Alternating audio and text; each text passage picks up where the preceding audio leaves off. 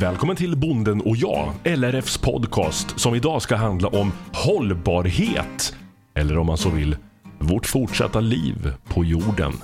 Det här med att säga hållbarhet är ju ett väldigt slitet ord just nu. Va? Och alla säger ju hållbarhet för att vara med på banan på något sätt. Men vad betyder det? Ja, ibland är det ganska innehållslöst faktiskt.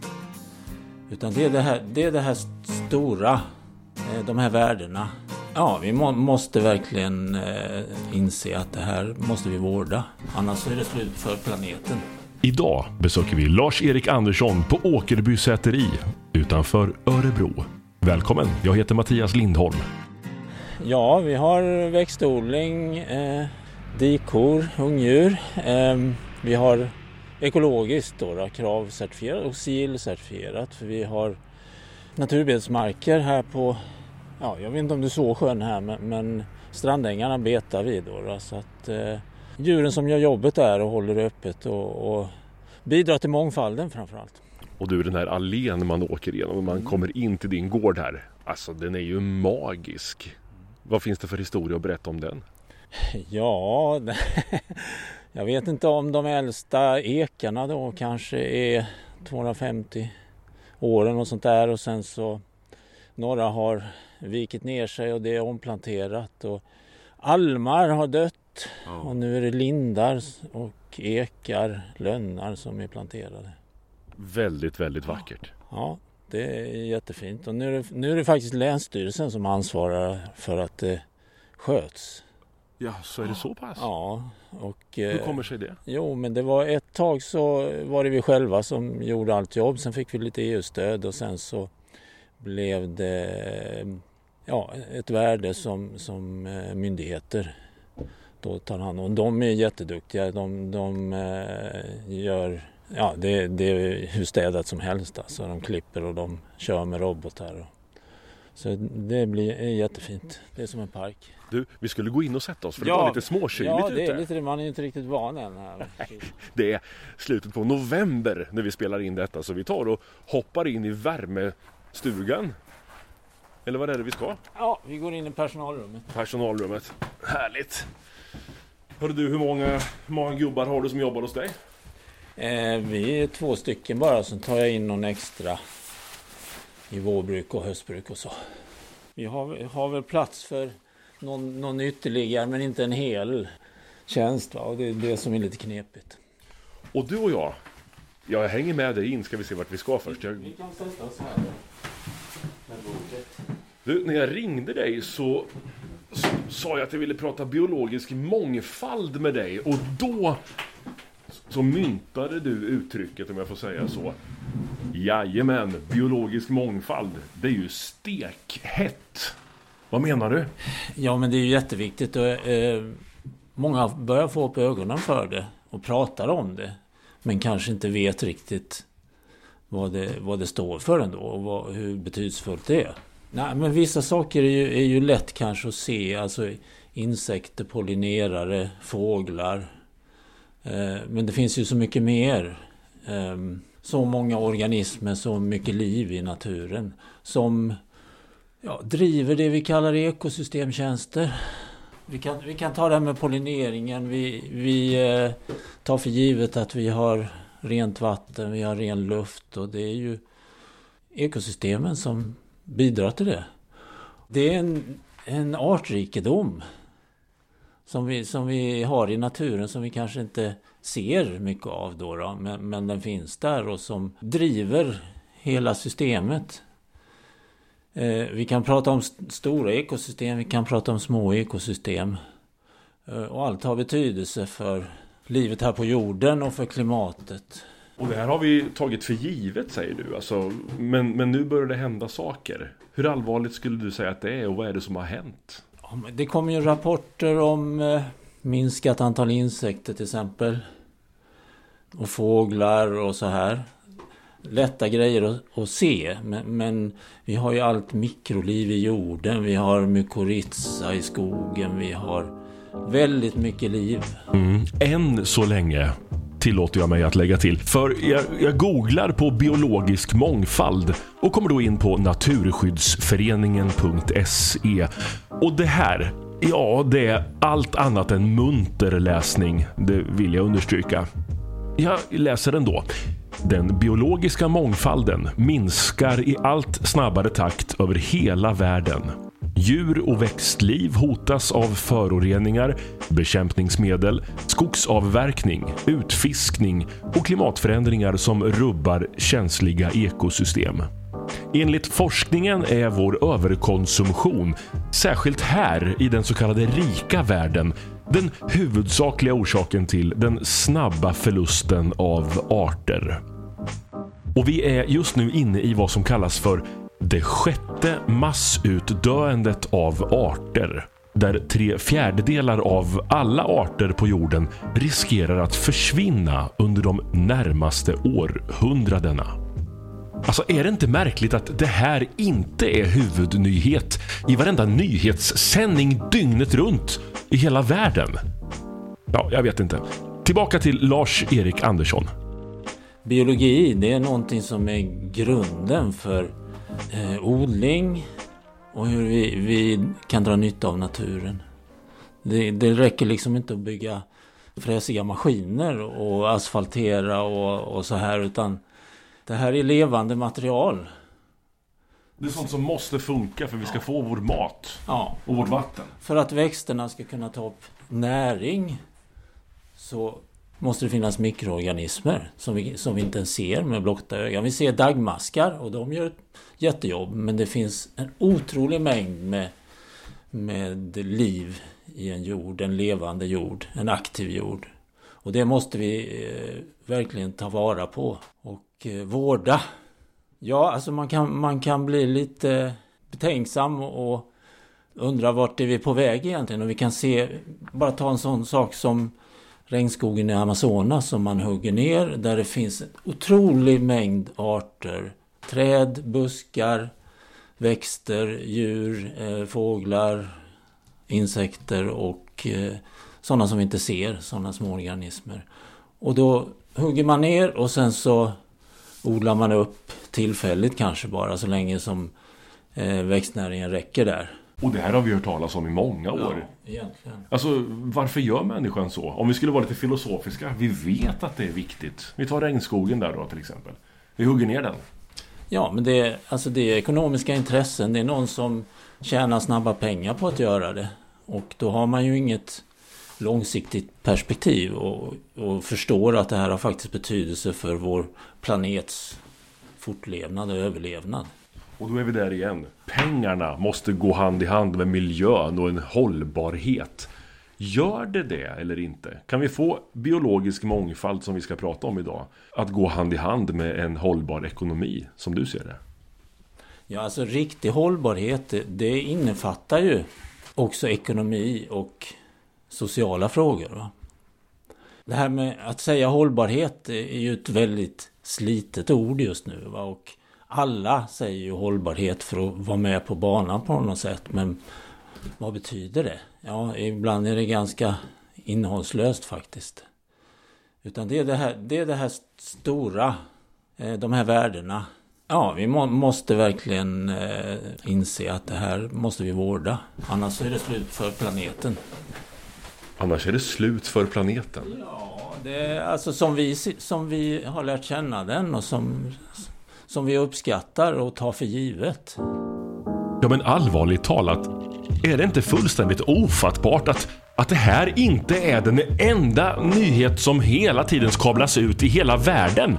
Dygnet runt, i varenda nyhetskanal. Jag menar, vad kan vara viktigare än vår överlevnad? Ja, jag vet inte, jag kanske är trångsynt. Men jag fortsätter att läsa på naturskyddsföreningen.se. Om vi tar bort den här bakgrundsmusiken, jag vet inte, hissmusik till det här ämnet känns lite... Så, tack. Naturskyddsföreningen.se skriver att utrotningen av arter den kommer att få allvarliga konsekvenser för oss människor och allt liv på planeten. Vi är beroende av friska, välfungerande ekosystem för vår överlevnad. Från dem får vi ekosystemtjänster som pollinering av växter, vattenrening och kontroll av skadedjur. Och förlusten av arter den är ett hot mot vår livsmedelsförsörjning och vår tillgång till mediciner. Det är nämligen så att mellan 50 000 och 70 000 växtarter används i traditionell och modern medicin. Ja, alltså vi, vi måste uppmärksamma problematiken.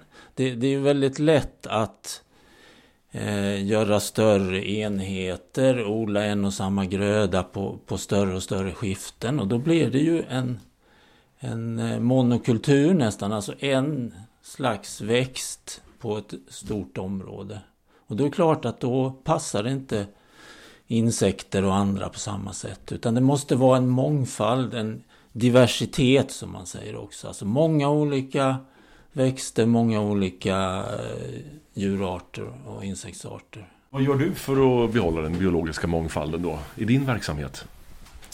Jag odlar eh, ganska många olika grödor och samodlar vissa grödor så att vi brukar kalla det för kompisgrödor om man har inte bara en en växt utan man, man har kanske ärtor tillsammans med havre eller något sånt där. Och sen har vi mycket vall och där är det flera olika arter som är fleråriga, som har djupa rotsystem. Olika gräsarter, olika baljväxter som bidrar också genom att binda kväve till marken tillsammans med bakterier.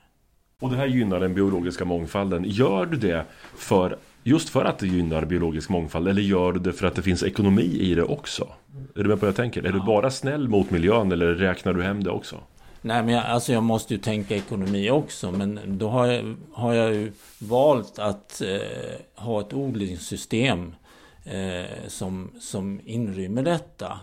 Och eh, tack vare att vi har eh, betande djur också. Då kan vi, behöver vi vall för att få vinterfoder. Och det är alltså våra kor med kalvar som går ute halva året egentligen på eh, naturbetesmarker. Och eh, skapar väldigt fina ytor där insekter trivs, där fåglar trivs. Så vi betar strandängarna till en fågelsjö här då i Närke. Om du kollar på dina kollegor, hur duktiga tycker du de är på att behålla den biologiska mångfalden? Ja, man, man börjar väl mer och mer fundera lite på att det här är nog viktigt och, och man sår lite blomsterremsor efter fältkanterna. Eh, man har eh, skyddszoner mot vatten där det får växa fritt då om man slår sent på säsongen. Och då är det ju eh, tacksamt för, för insekter och andra arter att leva där. Då, då. Men det, det, här är alltså tänk dig ett väldigt stort fäst, fält så är den här lilla kanten, ja det är bra men det, det, det, är ingen stor grej va. Kan det vara så att man gör det lite för syns skull eller för att på något sätt döva sitt eget samvete lite? Man gör en liten kant med lite växtlighet för den biologiska mångfalden men på det stora hela så gör det kanske inte så mycket nytta. Nej men man, man eh, tycker nog att det här är en bra åtgärd, det tycker jag också. Men, men som jag säger, det, det, gör ju inte så mycket på ett jättestort fält som kanske bekämpas kemiskt och har bara en enda gröda. Och där sticker vi väl ut lite som då odlar enligt Kravs regler. Och vi, vi använder ju inte kemiska bekämpningsmedel. Och det är klart, det, det blir en del ogräs och, och Eh, vissa vill man inte ha för mycket av, definitivt inte, men då får man ha andra metoder. Men det är i alla fall en, en annan mångfald i fältet. Och sen så försöker vi att eh, ha grödor mer i ett lapptäcke kan man säga. Alltså att inte jättestora fält med samma gröda. Ja, här känner jag att jag vill ta reda på lite mer vad Lars-Erik menar. Han är ju kravodlare. Men alla andra lantbrukare som inte odlar enligt Kravs krav, är de sämre? Kanske till och med dåliga på att just respektera och bevara den biologiska mångfalden när de till exempel använder bekämpningsmedel. Alltså de eh, preparat som används, de är ju godkända Det, det, det ska vi ju inte eh, sticka under stol med på något sätt. Utan det finns ju en myndighet som godkänner. Kemi heter den myndigheten i Sverige. Mm. Och det har man ju, gör man ju studier på giftighet och om det har någon eh, skadlig inverkan på andra organismer och fiskar och, och allt sånt här. Va? Så att... Eh, ja, är det en garant för att det giftet är okej okay då? Nej men alltså man kan ju aldrig på, på väldigt lång sikt säga att det här inte har några effekter. Men det kan vara svårt att påvisa att eh, det, det, skulle skada på det och det viset. Men det är klart att har, använder man ett ogräspreparat där man totalbekämpar, tar bort allting. Till exempel. Så blir det ju en helt annan miljö.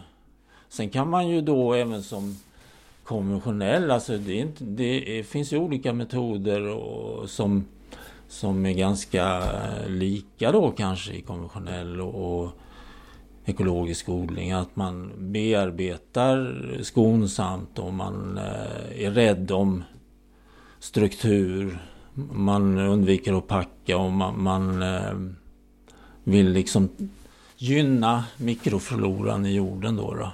Men däremot så har man, alltså allmänt sett så enligt en undersökning, om jag nu minns rätt, så om man jämför konventionell och biolog, eller ekologisk odling så, så har man ja, storleksordningen 30 procent högre mångfald i en ekoodling. Men återigen, alltså tar man ett väl, en väldigt stor ekoodling så kan man ju komma i samma problem, alltså ett stort fält. Alltså det, det finns ju väldigt stora enheter nu. Strukturrationaliseringen gör att, att eh, företagen är jättestora. Man köper till gårdar och kanske odlar en enda gröda på en gård. Alltså det, det måste vara uppenbart att här blir det lite konstigt i miljön. Om det bara finns raps på 70-100 hektar. Va? Ja, vad, vad, händer då enligt dig då med den biologiska mångfalden? Ja, men då, då får du en typ av, av organismer där. Och, och, eh, men du kan ju få massor med skadegörare på ett och samma ställe. Och du har inte den här mångfalden. Mångfalden, alltså det är ju väldigt svårt att sätta fingret på vad, vad vad betyder den? Och vad betyder den i kronor och öre om vi nu ska prata ekonomi också. Men, men, det är ju hållbara system. Ja, men det finns ju en beskrivning och ett svar på hur vi ska göra för att behålla vår biologiska mångfald. Och kanske framförallt hur vi inte bör göra. Jag läser vidare på naturskyddsföreningen.se. Här står att få miljöer har ett så rikt växt och djurliv som ett varierande odlingslandskap. Betande djur håller landskapet öppet och olika grödor odlas växelvis på åkrarna.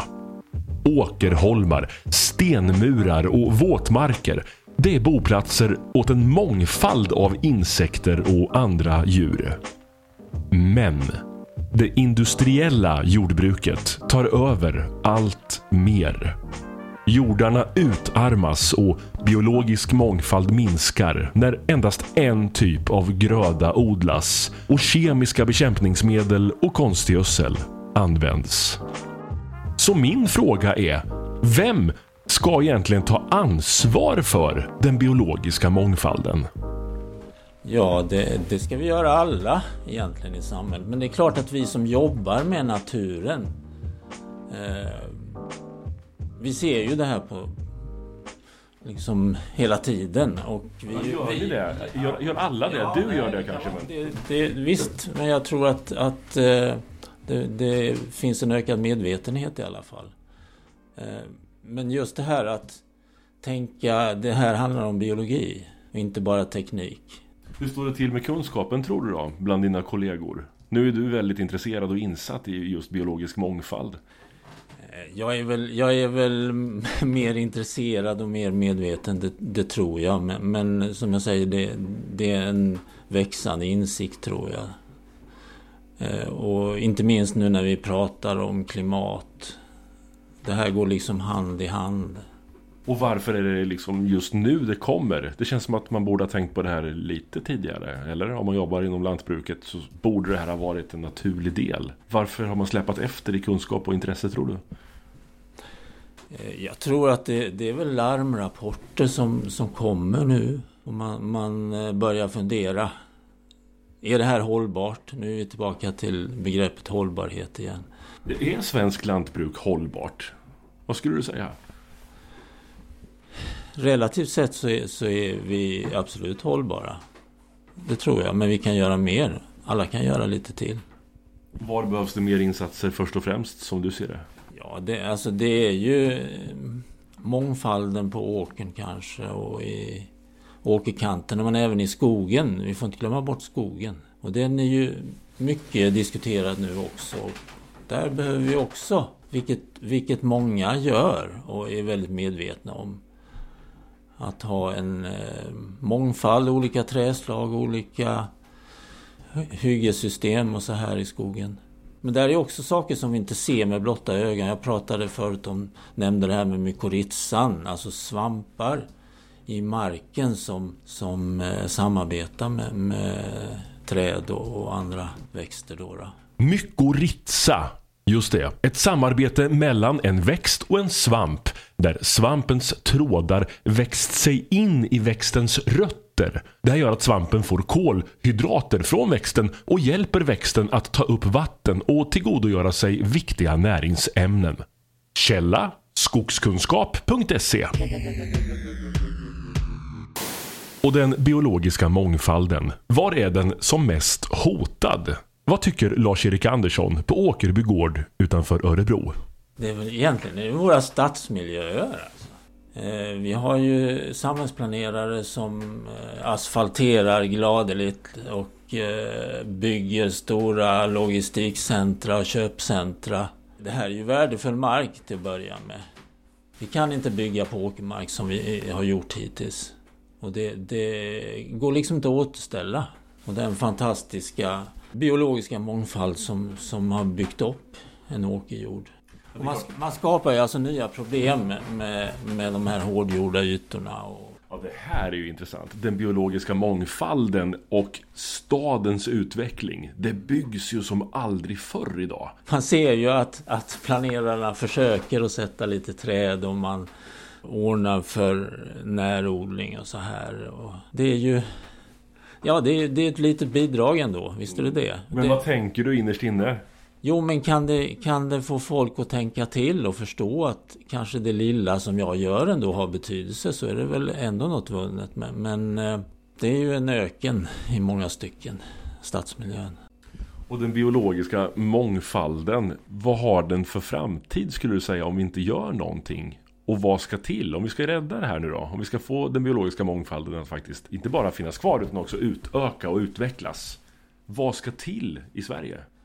Alltså, jag vet inte hur många år vi har försökt förklara det här med hur viktigt till exempel betande djur är.